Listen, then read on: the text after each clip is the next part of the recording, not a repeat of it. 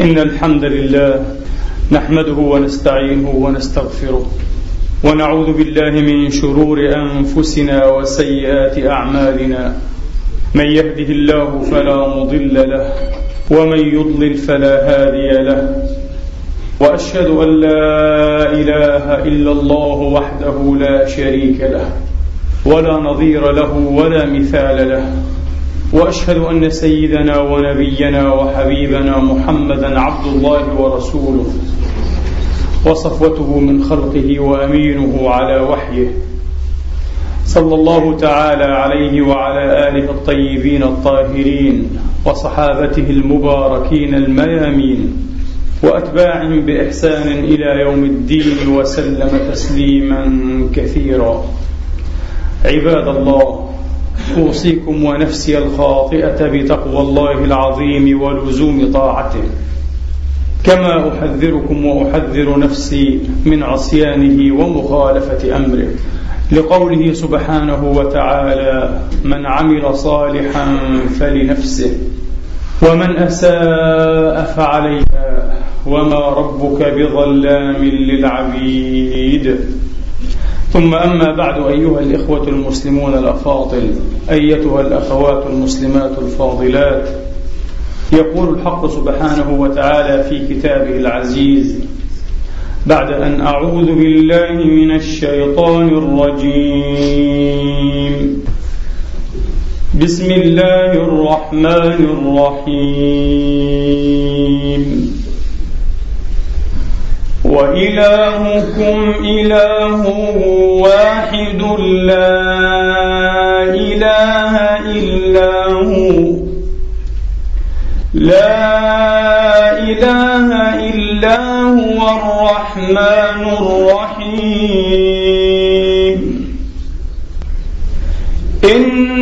في خلق السماوات والأرض واختلاف الليل والنهار. واختلاف الليل والنهار والفلك التي تجري في البحر بما ينفع الناس.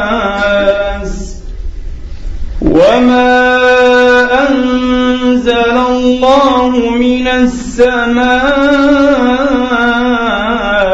من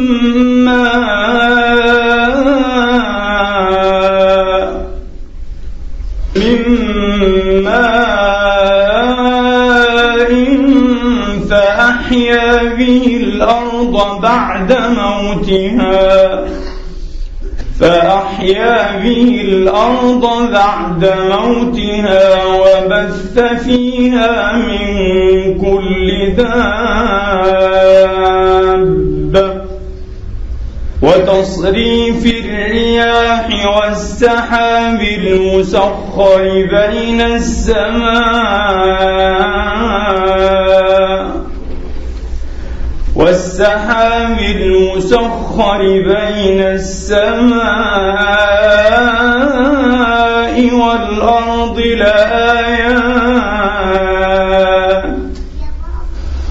والسحاب المسخر بين السماء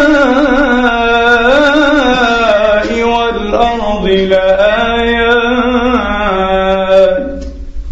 لآيات لقوم يعقلون. صدق الله العظيم وبلغ رسوله الكريم ونحن على ذلك من الشاهدين. اللهم اجعلنا من شهداء الحق القائمين بالقسط. آمين. اللهم آمين. أيها الإخوة الأفاضل أيتها الأخوات الفاضلات هذه الآيات الكريمات من سورة البقرة لها نظائر كثيرة في كتاب الله سبحانه وتعالى. الآيات التي يسوغ ويصح أن نسميها آيات النظر أو آيات الفكر أو آيات الكون آيات القدرة آيات الصنع آيات الخلق. إنها تعد بالمئين. بل تربو على ألف آية أيها الإخوة والأخوات. فكتاب الله العزيز سبحانه وتعالى يلح ولا يزال يلح أبدا على المؤمنين بل ربما على الناس أجمعين ألا يعطلوا منافذ المعرفة والاستبصار. إنه يريد من هذه المنافذ أن تبقى أبدا يقظة. عارمة النشاط موصولة التحسس. والتلمس. ومن هنا أيها الإخوة كثرة تواتر وترداد لقوم يعقلون. أفلا تعقلون؟ أفلم ينظروا؟ أفلا ينظرون؟ قل انظروا لقوم يبصرون لقوم يسمعون. وأمثال هذه الآيات وهي كثيرة جدا. إن الله سبحانه وتعالى حين خلق هذا الكون وأبدعه وأحسن صنعة وبث فيه من مختلف الآيات. إنها آيات أيها الإخوة لا يحصرها عد ولا يحيط بها فكر. كل ما في هذا الوجود آيات تؤشر وتدل وتشي وتبوح باقتدار هذا المولى الجليل بعظيم بداعته بدقة وإتقان صنعه وخلقه سبحانه وتعالى. لكن من أسف أكثر الناس قد عطلوا منافذ المعرفة والاستبصار لديهم الظاهرة والباطنة وبالتالي لم ينتفعوا أو لم يكادوا ينتفعون بشيء من هذه الآيات المبثوثة في كون الله السحيق الرحيب الوسيع. فهؤلاء أيها الإخوة شر حالا من البهائم العجماء. إنهم أشبه بالجمادات. لا يدرون لما خلقوا ولما خلق هذا الكون. شطر كبير أيها الإخوة من الحكمة الكامنة المختفية من وراء هذا الخلق العظيم المهول المذهل المعجب. هي في أن يكون محطا وموردا للاعتبار وللاستبصار للانتفاع. وهكذا تحكم الصلة بين العبد وبين ربه القدير. كلنا نؤمن بالله والحمد لله وكل يزعم أنه يعرف الله لكن إيمان من إيمان يفترق ومعرفة من معرفة تمتاز. فأين معرفة المؤمن العامي المؤمن الجاهل بآيات الكون بآيات الخلق؟ من معرفة العالم المختص الخبير بشيء من دقائق هذا الخلق. بجملة بحفنة من أسرار هذا الوجود. أنه فارق بعيد أيها الإخوة. فارق بعيد وبعيد جدا كما سيلوح ويضح لكم بعد قليل. أيها الإخوة الأحباب تعلمون أن مولانا رسول الله عليه الصلاة والسلام كان دائم الفكر فكره أي أفكاره كانت متواصلة. وقد قال عليه الصلاة والسلام في حديثه الشهير أوصاني ربي بأن يكون صمتي فكرا ونطقي ذكرا ونظري عبرا. يعتبر يستبصر يستفيد من كل ما تقع عليه عيناه أو تسمعه أذنه أو تتحسسه بصيرته الداخلية وهو أعمق وأجل وأشرف عليه الصلاة وأفضل السلام. كان متواصل الفكر عليه الصلاة وأفضل السلام. وهو الذي قال لنا في آيات الفكر والذكر في آيات الخلق والإبداع والاقتدار في آخر آل عمران ويل لمن قرأها ولم يتفكر فيها. ثلاث مرات. غير جدير بك أيها المؤمن أن تقرأها طلبا للأجر وحسب. هذا مطلوب. لكن ليس مطلوبا وحده وحسب. الجدير أن تقرأها لكي تقودك إلى هذا الكون الوسيع. لكي تبدأ تفتش. تقرأ تتساءل تتعلم تستفسر تطرح الأسئلة تزرع علامات الاستفهام. وبالتالي فإنك تطوي بعض المراحل نحو الله تبارك وتعالى. كيف تطوى المراحل إلى الله تبارك وتعالى؟ بالمعرفة أيها الأخوة. بالمعرفة. لا سبيل إلى أن تصل إلى الله ذاتا سبحانه وتعالى. سبحانه لا إله إلا هو. وما قدر الله حق قدره. لكن تستطيع أن تصل إليه بأفعاله. بتجليات أسمائه وأوصافه وكيف يمكن أن تفعل ذلك؟ عبر الفكر عبر المعرفة عبر النظر عبر الاعتبار الاستبصار التدبر. هكذا. في آيات الله الشرعية أولا وفي آيات الله الكونية ثانيا. أيها الإخوة ولا يمكن الفصل بينهما لأن الآيات الشرعية في موارد كثيرة إنما تؤشر فقط. هي تدلك تدلك وتسوقك. إلى هذا الكون الوسيع. وتقول لك هلم يا حي هلا هيا. لكن أن تكتفي بالقراءة وحدها هذا لا يسوغ ولا يجوز. وهو مخالف مخالف للآيات نفسها. لأن الآيات حين تقودك تقول لك اذهب وانظر. لا تقول لك اقرأني وقف. اقرأني ونم اقرأني وارتح. لا تقول لك اقرأني وحين تستجيب لهذا المقروء. يجب أن تنطلق إلى هذا الكون لتفكر لكي تتعلم. طبعا الإنسان لا يبدأ أيها الإخوة من نقطة الصفر إنه يبدأ من حيث انتهى غيره. إن هناك علماء إخصائيين تخصصوا في شتى ضروب وميادين المعرفة فعلينا أن نستعين بما انتهوا إليه لأنهم هم المختصون. وقد قال تبارك وتعالى فاسألوا أهل الذكر إن كنتم لا تعلمون. كل إخصائي هو الذي يستفتى ويستشار ويسأل في تخصصه. لا يمكن لعالم شرعي مهما كان فقيها عظيما أو مفسر لكتاب الله أن يحدثنا هو من عندياته عن الكون مثلا أو عن الذرة أو عن طبيعة المادة. لا يستطيع. ليس مختصا بهذه الأشياء. ومعرفته قد لا تعدو معرفة عوام البشر. وقد تكون معرفة عامية محض. لا يزيد عن عامي في معرفته. صحيح أن هناك من يدعم على نفسه ومن يدعمه ويحصل بعض الأشياء لكن هذه في عصرنا للأسف قد تكون هي الاستثناء وليست القاعدة. ومن هنا فاسألوا أهل الذكر إن كنتم لا تعلمون. ولنبدأ البداية لأن الموضوع طويل جدا. في هذه المناسبة الضيقة أيها الإخوة لا يمكن إلا أن نشير إلى شيء منزور جدا من هذه الحقائق المعجبة والمذهلة. ولا أزال أذكر كيف أن عقلي أيها الإخوة والأخوات في طفولتي الباكرة كاد يزايدني. أقولها من غير مبالغة ولا تزين أحسست بأنني على مشارف الجنون على تخوم الجنون أيها الإخوة. حين قرأت لأول مرة بعض الأرقام والقيم الفلكية عن هذا الكون الوسيع فما كان مني إلا أن طويت الكتاب وأويت إلى جدار في الشارع. جلست إليه أسندت إليه ظهري لكي محاولا لكي ألملم شعاع فكري شظايا عقلي التي تناثرت مفزعة حيرة تائهة في تلكم الأنباء التي لم يخطر على بالي من قبل أنها قابلة للوجود. وهذا ممكن أن يحصل لإنسان في الأربعين في الخمسين في الستين من عمره. إذا سمع هذه القيم والأرقام والحقائق لأول مرة.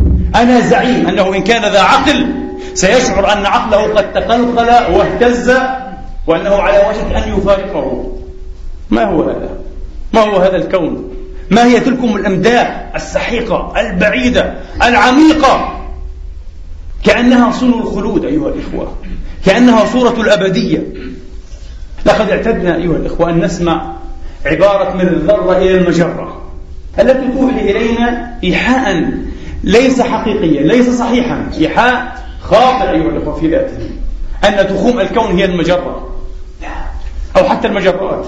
الأمر أوسع من ذلك بكثير. ولكن على كل حسنا فلنبدأ من الذرة. ما هي هذه الذرة؟ ما هي هذه الذرة؟ كل ما في الوجود المادي أيها الإخوة. هكذا مقيدا كلامي بقول المادي.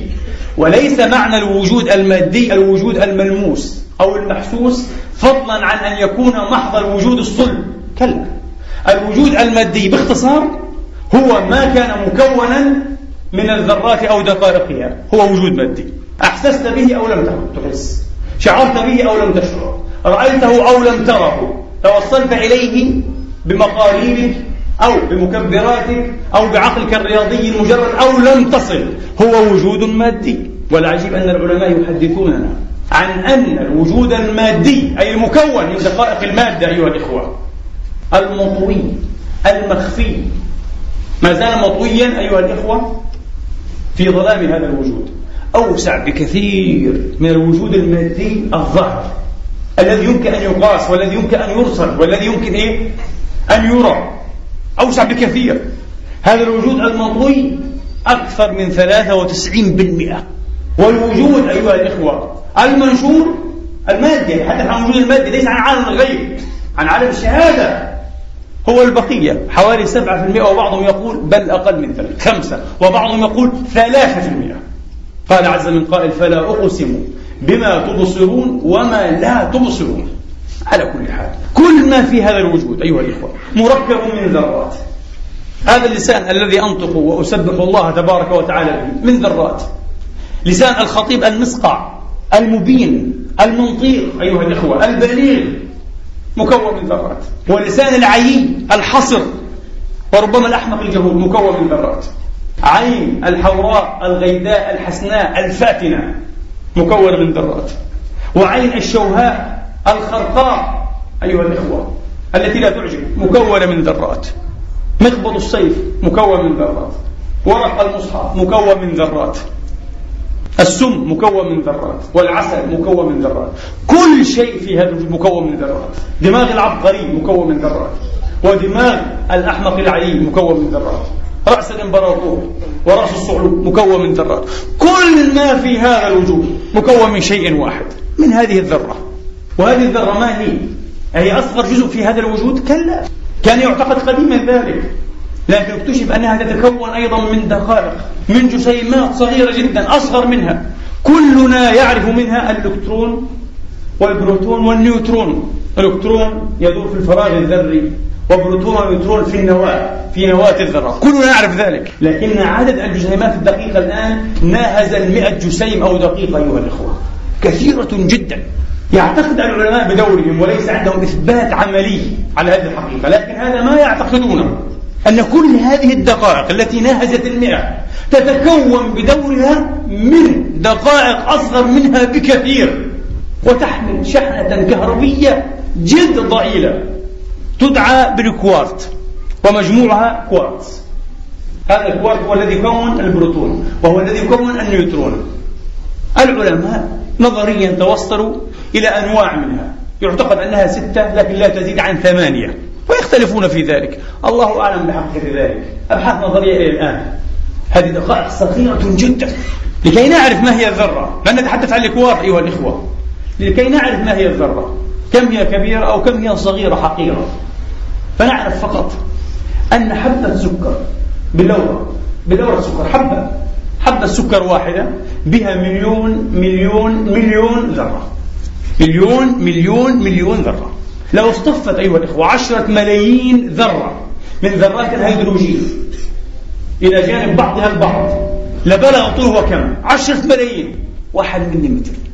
فقط. هذه الذرة. فكيف إذا بنواة أصغر منها بكثير؟ كيف بالإلكترون بالبروتون كيف بالكوارت؟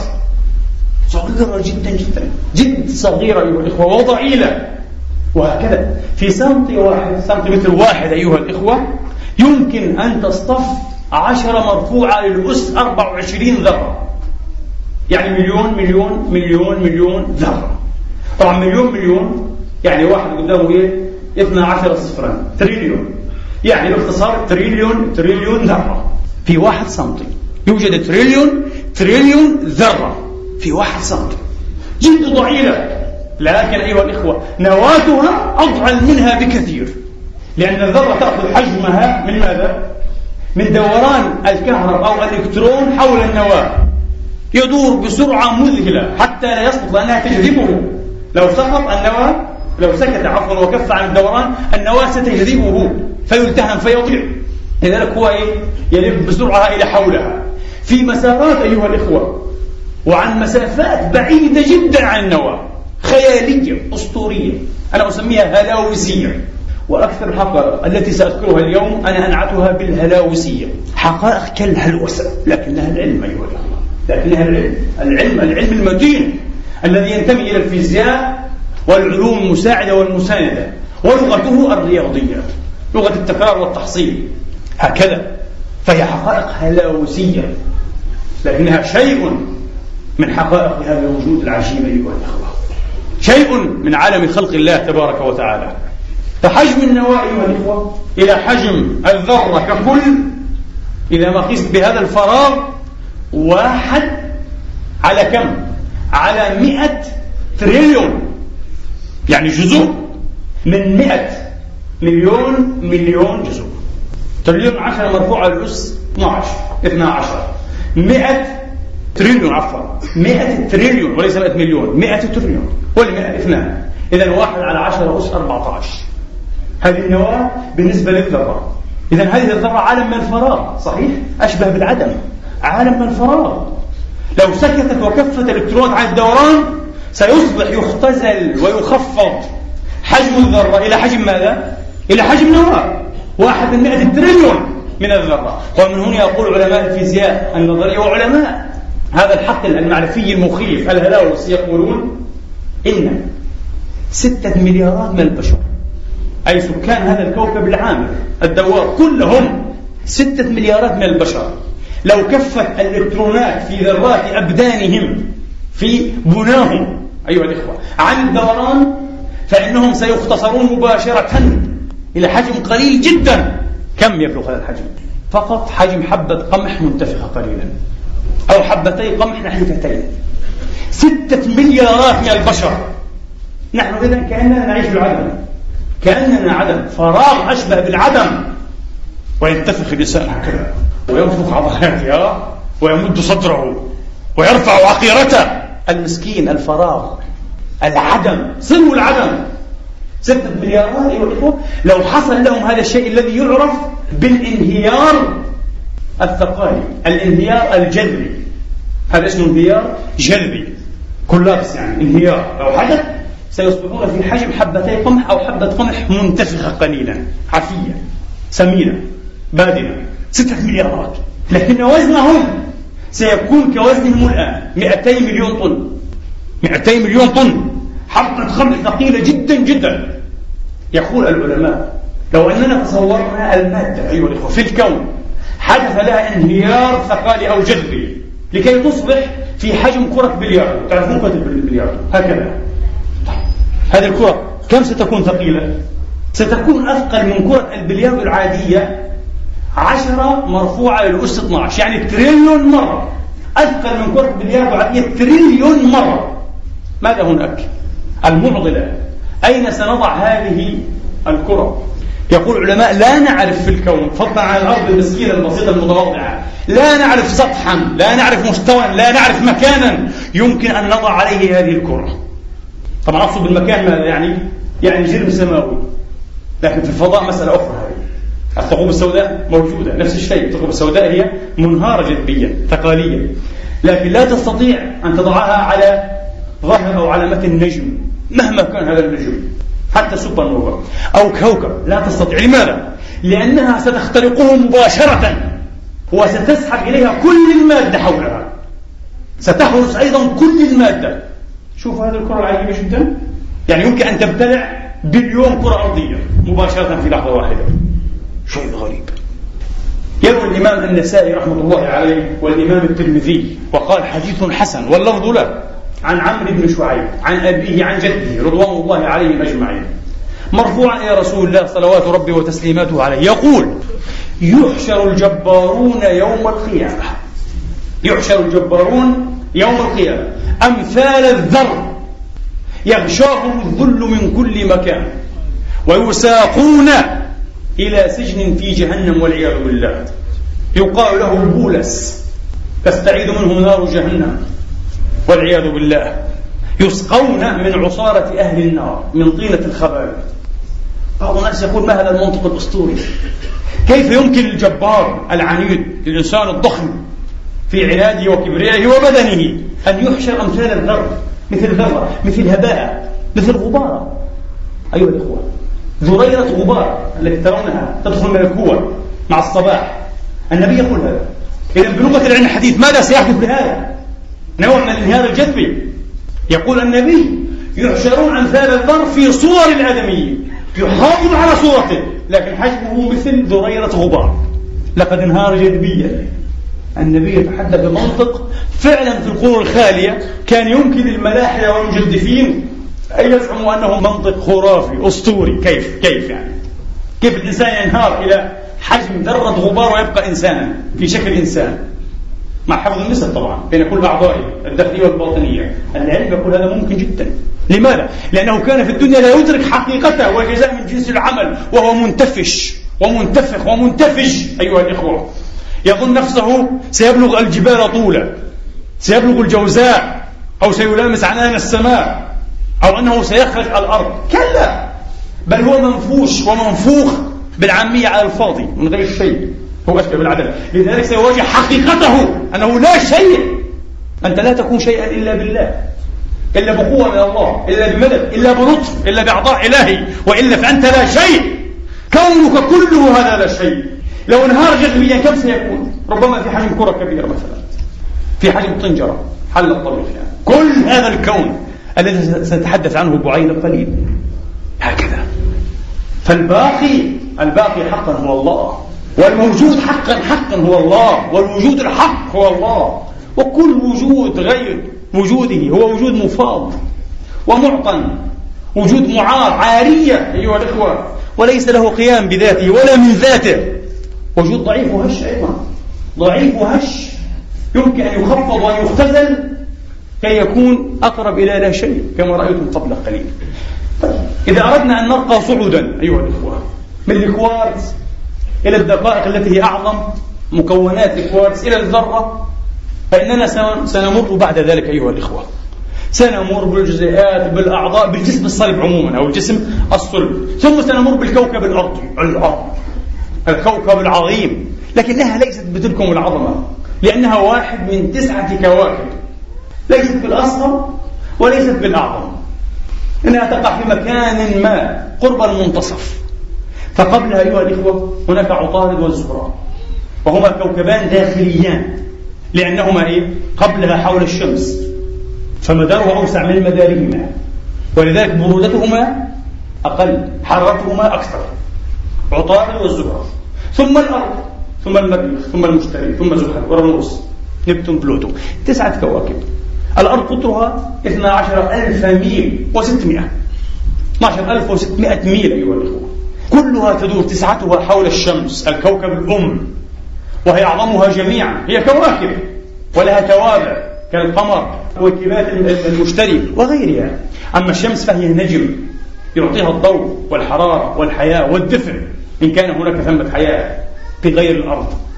هذه الشمس قطرها أيها الإخوة أكبر من قطر الأرض مئة مرة وأما حجمها فهو أكبر من حجم الأرض ثلاثمائة ألف مرة. الشمس. ثلاثمائة ألف مرة. الشمس. هكذا. وهذه الشمس أيها الإخوة التي تلف حول الكواكب التسعة أيضا تلف بكواكبها جميعها حول ماذا؟ حول مركز شيء اسمه المجرة. الآن سنقول ما هي المجرة. لكن ترى أو ترون كم تبعد الأرض عن الشمس أو من الشمس إذا أردنا الدقة اللغوية؟ كم تبعد الأرض من الشمس؟ تبعد مسافة 93 مليون mile أو ميل أو ما يساوي 150 مليون كيلومتر. وتعرف هذه المسافة بالواحدة الفلكية astronomical unit UA تعرف UA اختصارا الواحدة الفلكية. ولذلك يقال إن عطارد ال Merkur أو ال Mercury يبعد عن الشمس أربعة أعشار الواحدة الفلكية. طبعا هو أقرب إلى الشمس. وأما بلوتو فيبعد عن الشمس أربعين واحدة فلكية. إذا أردت أن تعرف كم يبعد إذا أربعون ضرب كم؟ 93 مليون mile. والعجيب أن هذه الكواكب التسعة تسعتها أيها الإخوة في مداراتها وفي بعدها عن الشمس محكومة بنظام دقيق رياضي عجيب جدا. فسبحان من خلق كل شيء بقدر والسماء رفعها ووضع الميزان. ألا تطغوا في الميزان. وأقيموا الوزن بالقسط ولا تخسروا الميزان. سئل أعدى ملوك فارس كسرى شروان. لما عدلت هذا العدل كله في رعيتك يضرب به. كانت العرب أيها الإخوة مع الفرس يضربون المثل بعدل كسرى شروان. رجل آية من آيات الله في العدل لا يرفقه إلا عمر بن الخطاب وأمثاله من راشدي هذه الأمة. سئل لما؟ قال إني نظرت في هذا الكون في الوجود في الشمس في القمر في بعض الكواكب المعروفة في حينها. في نظام الأرض أيضا. إني وجدت في هذا الكون فوجدته قائما بالعدل فعلمت أن ملكي إذا أردت له أن يدوم وأن يقوم لا يدوم ولا يقوم إلا بالعدل. رجل عاقل. هذا رجل عاقل. القرآن أمر هذا الأمر. قال والسماء رفعها ووضع الميزان. إذا بالعدل بالاتزان أيها الإخوة بالتوازن. هذا البالانس. قام الكون كله. قال تبارك وتعالى ألا تطغوا في الميزان. وأقيموا الوزن بالقسط ولا تخسروا من حري بكم أيضا قمين بكم أنتم أيها البشر. فضلا عن الموحدين أن تقوموا أيضا بماذا؟ بالعدل بالقسط بالقسطاس المستقيم لكي ينتظم أي حالكم لكي تتواءم شعوركم بعضها وبعض. هكذا. لكن هذا الرجل بعقله فهم هذه الحقيقة وكان قبل الإسلام بلا شك لكنه كان عاقلا. نعود. محكومة بقانون عجيب جدا. إذا أخذت أي كوكب من هذه الكواكب أيها الأخوة له مدار حول الشمس. أوربت نصف قطر هذا المدار نصف قطر هذا المدار دائما. لأي كوكب؟ أيها الأخوة يساوي ضعف نصف قطر مدار الكوكب الذي يكون أدنى إلى الشمس منه. أي الكوكب السابق عليه. إذا النسبة الرياضية محكمة الميزان وضع الميزان.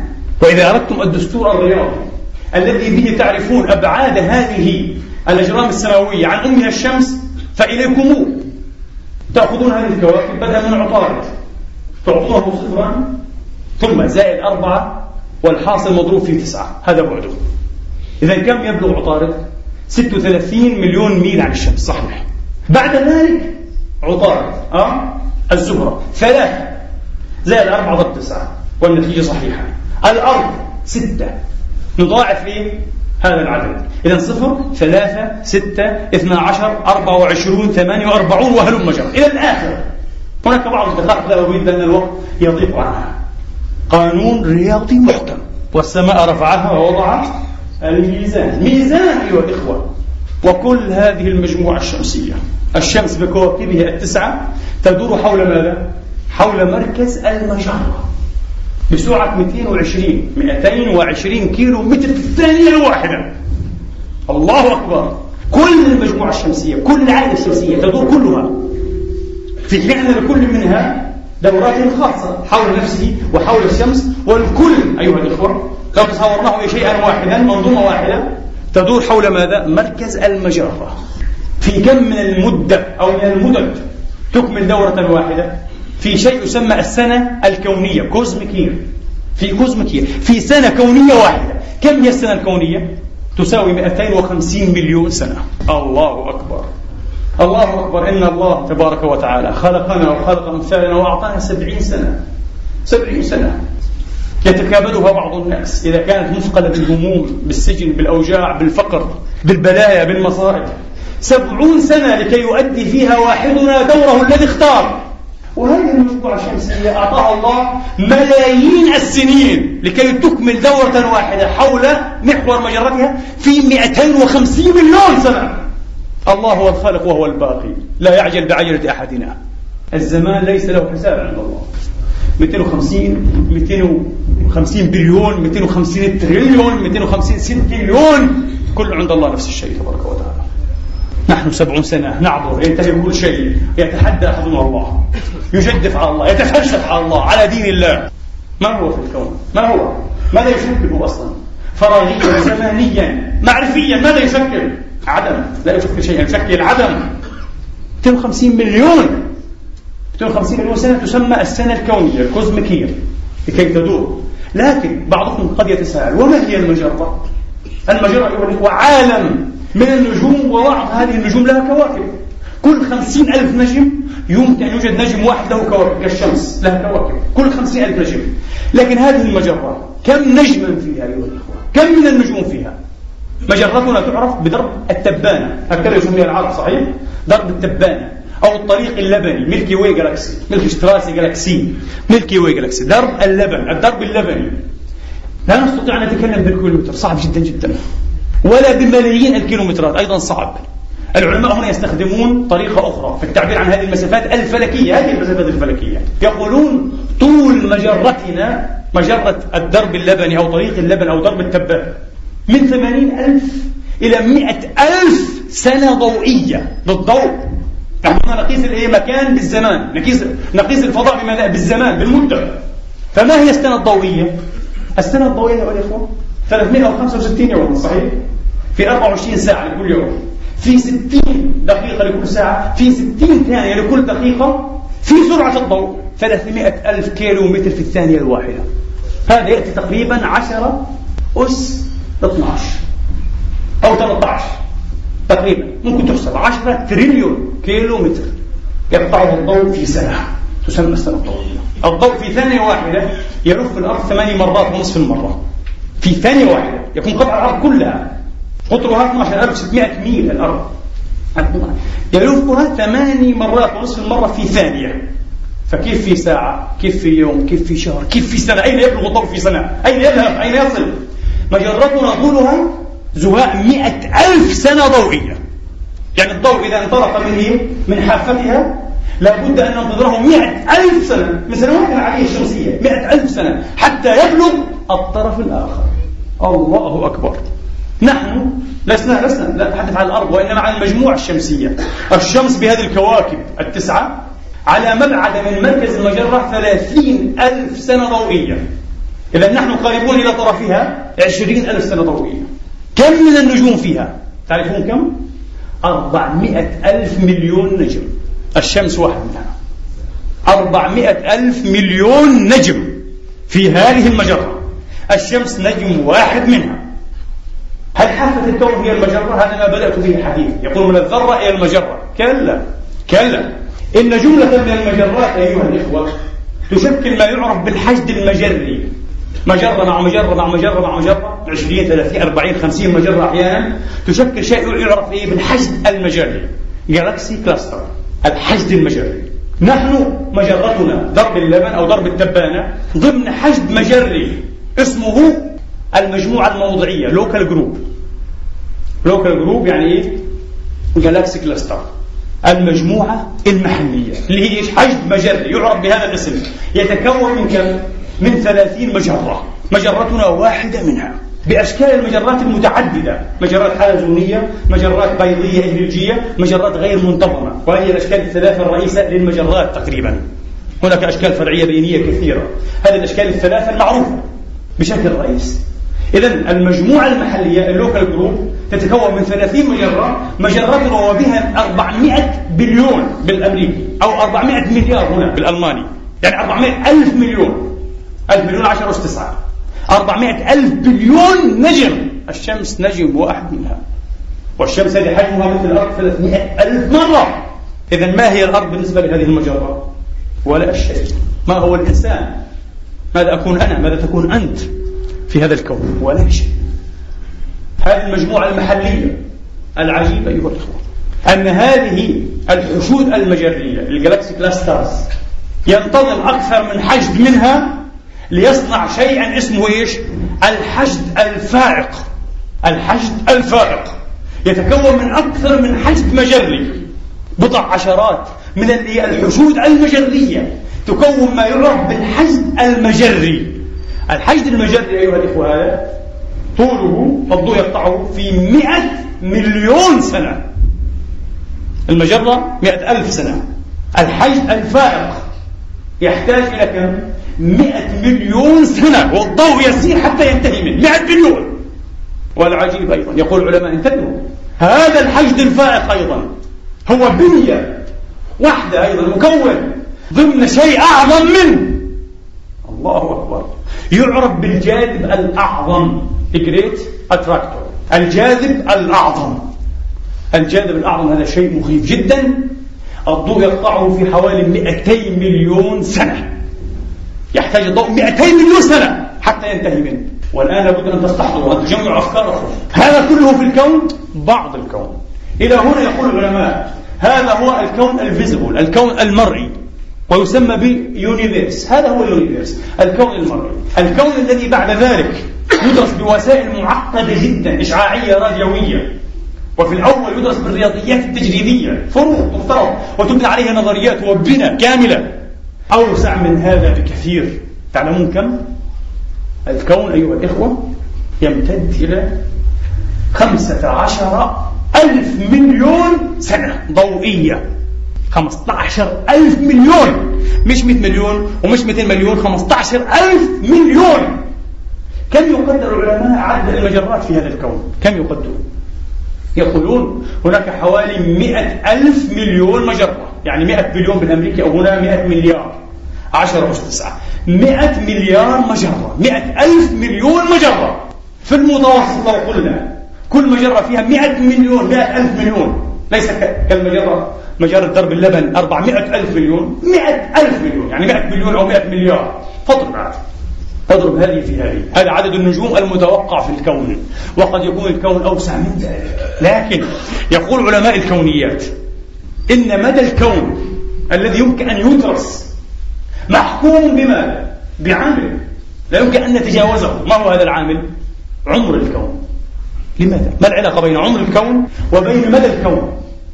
الآن سنجيب ونختم بهذا الجواب خطبة اليوم إن شاء الله تعالى. يتساءل بعض الناس. أخلق الله تبارك وتعالى. هذا الكون حين خلقه. هكذا بمثل هذه العظمة جملة واحدة؟ كان يعتقد هذا. ألبرت أينشتاين الفيزيائي الكبير والرياضي الرائع. صاحب النسبيتين العامة والخاصة والخاصة والعامة كان يعتقد أن الكون كبير جدا لكن الله خلقه هكذا مرة واحدة وهو كبير قطره عند أينشتاين مليار سنة و ألف سنة ضوئية مليار. ولذلك كون أينشتاين الذي تصوره أينشتاين جد فقير جد متواضع جد صغير إنه كون قزم دوارف أنتم الآن سمعتم التقديرات الحديثة؟ 15 ألف مليون سنة ضوئية. ليس مليار 15 ألف أه؟ مليون. و200 ألف ويقول مليار و200 ألف. جد فقير. ومن هنا؟ لا أدري ماذا كان يقول فيلسوف كبير. أقلقته الأفكار لأن في الفكر نيران وفي الفكر جنة ومعظم الآلام من الفكر. هذا الفيلسوف بليز باسكال الذي كان يقول يردد في خاطراته يقلقني. ويشعرني بالاهتزاز والرعشة من الأعماق. هذا الليل الأبدي هذا الظلام السرمد الذي يلف هذا الكون اللامتناهي عن أي كون كان يتحدث؟ أنا متأكد عن كون صغير أصغر بكثير من كون أينشتاين. كيف لو عاش باسكال وأمثال باسكال إلى عصر الآن وعرفوا شيئا عن سعة هذا الكون؟ شيء مخيف أيها الإخوة. تقشعر له الأبدان وتخشع له القلوب وتطامن له العقول. وتلهج مسبحة بعظمة هذا الرب الجليل. لا إله إلا هو. لا إله إلا أنت. سبحانك إنا كنا من الظالمين. إي والله الله الله. نعود أيها الإخوة. أينشتاين كان يعتقد هذا ثم بان أن هذا الاعتقاد خاطئ. لا. الكون لم يخلق هكذا. الكون خلق أيها الإخوة بعد أن كان ضئيلا جدا جدا. كان في منتهى الضلالة. كم؟ مثل الأرض مثل المجموعة الشمسية مثلا مثل المجرة. أقل من ذلك بكثير. كان أقل من بروتون واحد. أخذتم اليوم فكرة عن الذرة. أليس كذلك؟ عن أبعاد الذرة أبعاد النواة. أقل مش من النواة من بروتون واحد. البروتون من رتبة ماذا؟ في الفيزياء؟ من رتبة 10 أس ناقص 13 سنتيمتر. يعني واحد على 10 مرفوع الأس 13 من السنتي يعني قديش 13 10 تريليون. صحيح؟ فالبروتون واحد من 10 تريليون من السنتي لو قسمنا السنتيمتر إلى 10 تريليونات أجزاء فالبروتون جزء واحد. يا ساتر. وهذا الجزء البروتون الضوء تعرفون الضوء؟ يقطع في الثانية الواحدة 300 ألف كيلو متر ما هي النسبة بين 300 ألف كيلو متر وبين جزء من 10 تريليون جزء من السنتيمتر. ترون الضوء في كم من الزمن يقطع البروتون يجتاز قطعه في كم؟ في عشرة مرفوعة للأس السالب يعني ناقص 24 من الثانية. يعني في جزء من التريليون التريليون جزء من الثانية. يعني الثانية لو قسمناها مليون مليون مليون مليون. يعني 2 تريليون. جزءا في جزء واحد بيكون الضوء إيش؟ قطع البروتون. فيش. ضئيل جدا حقير جدا. هذا البروتون أمام قوة الضوء الجبارة. سميها اينشتاين السرعة المطلقة. وهذا الجزء أيها الإخوة أو هذه النسبة عشرة مرفوعة للأس السالب يعني جزء من عشرة أس 24 يعرف بالزمن الذري NT اختصارا. هذا هو الزمن الذري NT. طيب. الكون كله كان أقل من بروتون. يعني الضوء يحتاج إلى كم لكي يقطعه؟ أقل بكثير من الزمن الذري. يعني أقل بكثير من واحد على عشرة أس 24 بكثير. لماذا؟ يقول علماء الكونيات لأن الكون كله كان في حجم عشرة مرفوع الأس السالب ثلاثة وثلاثون. يعني جزء أيها الإخوة من إيه؟ من عشرة مرفوع الأس 33 خلينا نقول يعني من التريليون التريليون هي 24 وضل عندنا تسعة. يعني من إيش؟ من مليار التريليون. التريليون جزء من السنتيمتر. لو قسمنا السنتيمتر إلى مليار يعني 10 أس 9 مليار التريليون التريليون جزء جزء واحد منها. الكون كله كان موجودا فيه نحن والأرض والكواكب والمجرات كل هذا الكون الذي قلنا إن مداه خمسة عشر بليون سنة ضوئية. كل هذا الكون كان في جزء من مليار التريليون التريليون جزء من السنتيمتر. ماذا يقول العلماء الذين توصلوا إلى هذه الأشياء هذه النظريات هذه الأفكار. يقولون الفكر الإنساني فيزياء رياضيات خيال تصوف حدس كله يسقط وينهار ويخر خاضعا راكعا أمام هذه القيم. لأنها ماذا؟ تتجاوز ما يعرف بجدار بلانك. عند جدار بلانك ما في لا يفعل لا رياضيات لا تصور لا خيال كل شيء يتوقف. لا نمتلك أي وسيلة علمية لكي ندرس هذه المكونات. هذه البنى مستحيل. كل هذا الكون يعني بلغة أخرى بلغة دينية هم يسمونها لاهوتية. ماذا كان الكون؟ عدما كان لا شيء. وكانت القوة الأربعة الأساسية الرئيسة في الكون الجاذبية والكهرومغناطيسية والنووية الضعيفة والنووية القوية كلها كانت مشمولة أيها الإخوة. كانت مطوية كانت مخبوضة مضمنة. في هذه التي تعرف بالفرادة يسمونها المفردة أو الفرادة. ما تسميها هذه النقطة ما تسميها. تسميها ذرة؟ مستحيل. بروتون مستحيل. ما تسميها؟ طاقة؟ ما, ما, ما أحد يعرف. يسمونها الفرادة. وهذه الفرادة أيها الإخوة كانت حرارتها عالية جدا جدا بشكل هلاوسي. 10 أس 33 درجة مطلقة. 10 أس 33 كيف إيش معنى 10 أس 33 يعني العشرة مضروبة في نفسها 33 مرة. فكم هذا إيش؟ يعني هذا 10 مليار التريليون التريليون درجة مطلقة. 10 مليار التريليون التريليون درجة مطلقة. التريليون 10 مرفوع على 12 يعني واحد مقداره 12 صفر هذا تريليون. يعني 1000 مليار من وقتنا هنا. طيب هكذا كان الكون. لا أحد يعرف. الله وحده عز وجل هو الذي يعرف. لأنه أراد قرر شاء تبارك وتعالى أن يخرج الوجود من هذه الفرادة من هذا العدم من هذا اللاشيء فحصل نوع من الانفجار. تسمعون عن الانفجار الكبير Big Bang ليس هذا قبله. inflation تضخم تمدد. يسمى بالانفجار التضخمي. حدث انفجار تضخمي في البداية. هذا الانفجار التضخمي كم امتد؟ عشرة أس ناقص 43 من الثانية. يعني احسبوا عاد. جزء من كم؟ تريليون تريليون تريليون من الثانية. فقط امتد. جزء من كم؟ من 10 أس 43 جزء من الثانية. وفي هذه الفترة أيها الإخوة التي تشبه أيضا اللا شيء توسع الكون 10 أس 25 مرة. بعد ذلك فقط هذه المسافة بعد الانفجار التضخمي التمددي بعد التضخم الانفليشن ما حدث ظل الكون يتمدد لكن بسرعة تعتبر بطيئة جدا جدا جدا. بالنسبة إلى سرعة ماذا؟ العهد التضخمي. منذ تلك اللحظة نهاية العهد التضخمي اللي امتدت كم؟ 10 أس ناقص 43 من الثانية إلى اليوم الكون تضاعف فقط مليار مرة. 10 أس 9 مليار مرة يقول علماء الكونيات أو الكوزمولوجيون.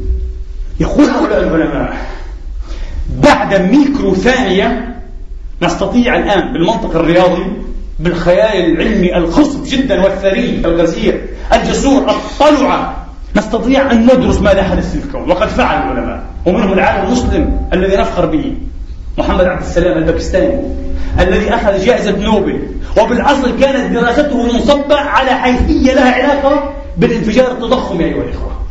ومن هناك أيضا ارتبط إيه بالنظرية الموحدة العظمى لكن من هنا هو بدأ ولذلك شاركه في الجائزة ستيفن واينبيرغ العالم الشهير جدا عالميا أخذ عليه جائزة نوبل. بعد ذلك يمكن العقل أن يدرس هذه المسائل. طيب. لكن بعد ميكرو ثانية. يعني إيه؟ جزء من مليون. الميكرو دائما جزء من مليون من أي واحد؟ من أي واحد؟ جزء من مليون. بعد جزء من مليون من الثانية؟ أمكننا أن ندرس. أمكن العقل الإنساني أن يتحرك الآن. بدأ يتحرك. اسمعوا ما هو الأغرب والعجب. قوى الجاذبية. أنا قلت الجاذبية والكهرومغناطيسية وقوى الذرة أو النواة الضعيفة والقوية. كانت كلها مشمولة في الفرادة الأولى. طبعا بهذا الحجم ماذا نقول؟ اللغة هنا تسقط. مستحيل. لذلك يقول العلماء كلما اتسعت إيه؟ الرؤية ضافت العبارة صحيح؟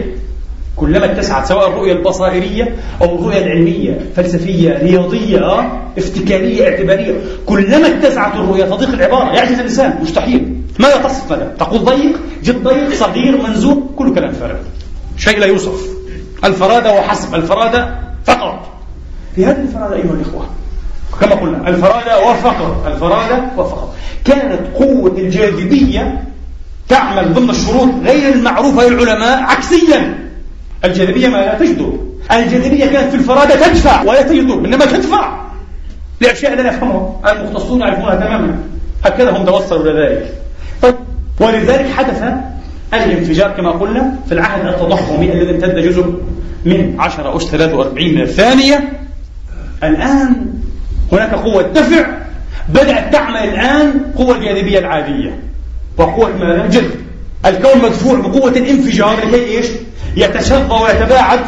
لا نقول في الفضاء ما كانش في الفضاء انتبهوا ما كان في الفضاء. هنا المعضلة. هنا يتحير يقف يجهد العقل الإنساني ولذلك لو قال أحدكم في يوم من الأيام في لحظة من اللحظات آه حين انفجر الكون خطأ. أي لحظة؟ ما كان في لحظات ما كان في زمن ما في شيء. في عدم. قولوا فقط خلق الله. حتى حين تقول لما خلق الله لضعف اللغة. شو لما يعني؟ شيء زمن؟ ما في زمن عند الله. خلاص الله خلق وانتهى كل شيء. بس أخرج الشيء من عدم فقط. لا تستطيع اللغة غلط هنا. تخطئ. لا يمكن إلا أن تخطئ. ما في فضاء ولا في زمن كان. إذا أين يتمدد الكون في ما شاء الله لا نعرف. فالعقل أيضا واقف. ما في سبيس ما في فضاء ما في فراغ ما في شيء. الفراغ والفضاء والمكان نتج نتيجة ماذا؟ توسع هذا المنفجر توسع هذا الكون الصغير الفتيل فقط شيء غريب طيب إذا قوة الانفجار تدفع قوة الجاذبية ماذا؟ تقبض تأخذ تجذب لابد أن هناك تعادل لو قوة الجاذبية كانت أكبر ماذا سيحدث في الكون؟ سينهار على نفسه صحيح؟ يعود وينهار ولما نشأنا ولما وقفنا هنا الآن نسمع ونتكلم مستحيل انتهى كل شيء لو قوة الانفجار تغلبت على قوة الجاذبية ماذا يحدث؟ سيتشعع ويتشظى الكون أيها الإخوة ولن إيه؟ يلتئم. لن يوجد بهذه الطريقة. مطلقا خلاص. ينتهي. إذا هناك تعادل. بعض الناس يقول تعادل قدره الله. نعم بلا شك قدره الله لكن ماذا يقول العلماء؟ هذا التوازن.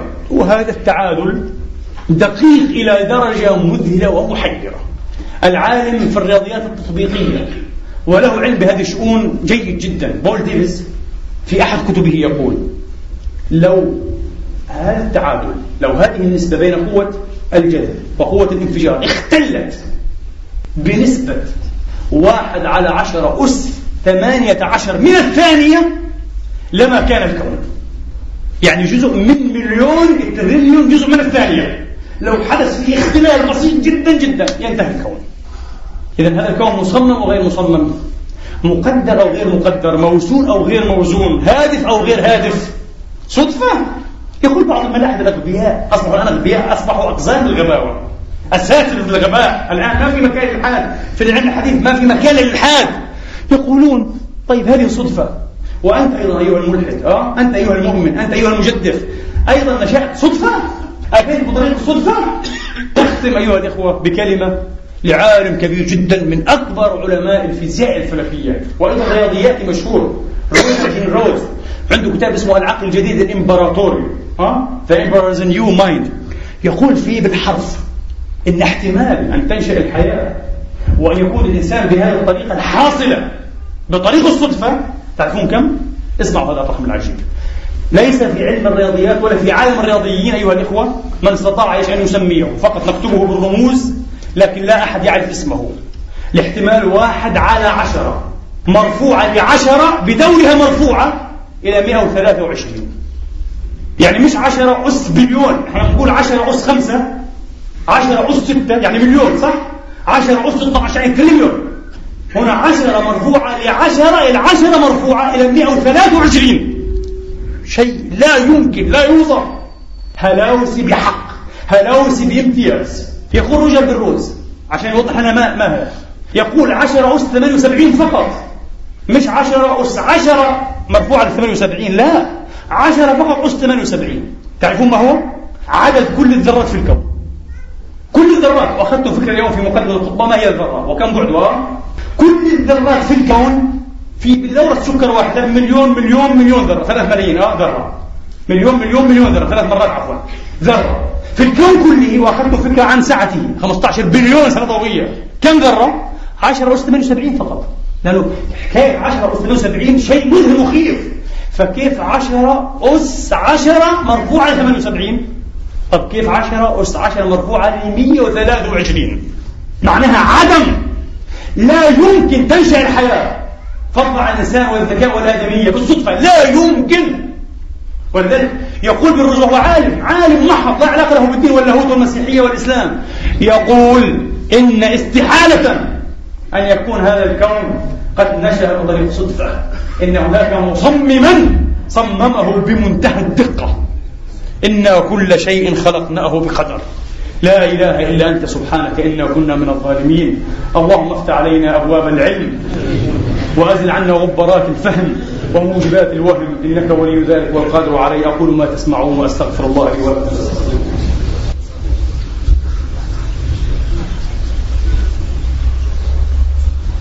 الحمد لله الحمد لله الذي يقبل التوبة عن عباده ويعفو عن السيئات ويعلم ما تفعلون ويستجيب الذين آمنوا وعملوا الصالحات ويزيدهم من فضله والكافرون لهم عذاب شديد. وأشهد أن لا إله إلا الله وحده لا شريك له وأشهد أن سيدنا ونبينا وحبيبنا محمدا عبد الله ورسوله صلى الله تعالى عليه وعلى آله الطيبين وصحابته الميامين المباركين وأتباعهم بإحسان إلى يوم وبعد. أيها الإخوة والأخوات هذه الحقيقة التي كانت الشطر الأخير في الخطبة. كتابنا العزيز كتاب الله الحق لا إله إلا هو لخصها في آية عجيبة جدا. حيث يقول تبارك وتعالى في سورة الأنبياء أولم يرى الذين كفروا وحقا لم يعرف هذا إلا الكافرون. قبلنا نحن معاشر المؤمنين. أولم يرى الذين كفروا أن السماوات والأرض كانتا رتقا ملتحما شيئا واحدا. يسمى هذا الرتق الآن بالسنجلر أو الفرادة أو المفردة. كانتا رتقا يقول ففتقناهما وجعلنا من الماء كل شيء حي. أفلا يؤمنون؟ آية معجزة عجيبة. لخصت هذه النظرية التي لم يتسع لاستيعابها حتى عقل أينشتاين. مستحيل رفض أن الكون هكذا وأنه يتمدد. لم يفهم ذلك أينشتاين في البداية. وكانت خطيئته الكبرى العلمية. لكن القرآن قبل 1400 سنة. سجلها واضحة سبحان من أنزله. قل أنزله الذي يعلم السر في السماوات والأرض. إنه كان غفورا رحيما. وسبحان القائل وما خلقنا السماء والأرض وما بينهما باطلا. وقال وما خلقنا السماوات والأرض إلا بالحق. ما أخذناه اليوم. هو بعض معنى الحق. هو بعض نفي هذا الباطل. باطل الأباطيل قبض الريح إنه أيها الإخوة. ومع ذلك فالعلماء لم ينزفوا ولا هم يزعمون ذلك أنهم نزفوا ذرة واحدة من أسرار علم الله تبارك وتعالى. لم ينزفوا إلا قدر ما نزفت تلك العمانية الحمقى من الماء. ولها قصة لعلنا نذكرها في درس. اللهم إنا نسألك أن تفتح علينا بالحق وأنت خير الفاتحين. اللهم علمنا ما ينفعنا وانفعنا بما علمتنا وزدنا علما. اللهم اجعلنا من عبادك المتقين ومن أوليائك الصالحين. وافتح علينا فتوح العارفين برحمتك يا أرحم الراحمين. اللهم إنا نسألك أن تجعلنا نخشاك حتى كأننا نراك اللهم أسعدنا بتقواك ولا تشقنا بمعصيتك. واخر لنا في قضائك وبارك لنا في قدرتك حتى لا نحب تعجيل ما أخرت ولا تأخير ما عجلت. واجعل اللهم غنانا في أنفسنا ومتعنا بأسماعنا وأبصارنا وقواتنا ما أحييتنا. واجعله الوارث منا واجعل ثأرنا على من ظلمنا وأقر بذلك عيوننا. اللهم إنا نسألك ونبتهل إليك ونضرع أن تنصر الإسلام وأن تعز المسلمين. اللهم أعلي بفضلك كلمتي الحق والدين. اللهم انصر من نصر الموحدين. واخذل من خذل عبادك المسلمين. إلهنا ومولانا رب العالمين. عباد الله إن الله يأمر بالعدل والإحسان وإيتاء ذي القربى وينهى عن الفحشاء والمنكر والبغي يعظكم لعلكم تذكرون اذكروا الله العظيم يذكركم واشكروه على نعمه يزدكم وقوموا إلى صلاتكم يرحمكم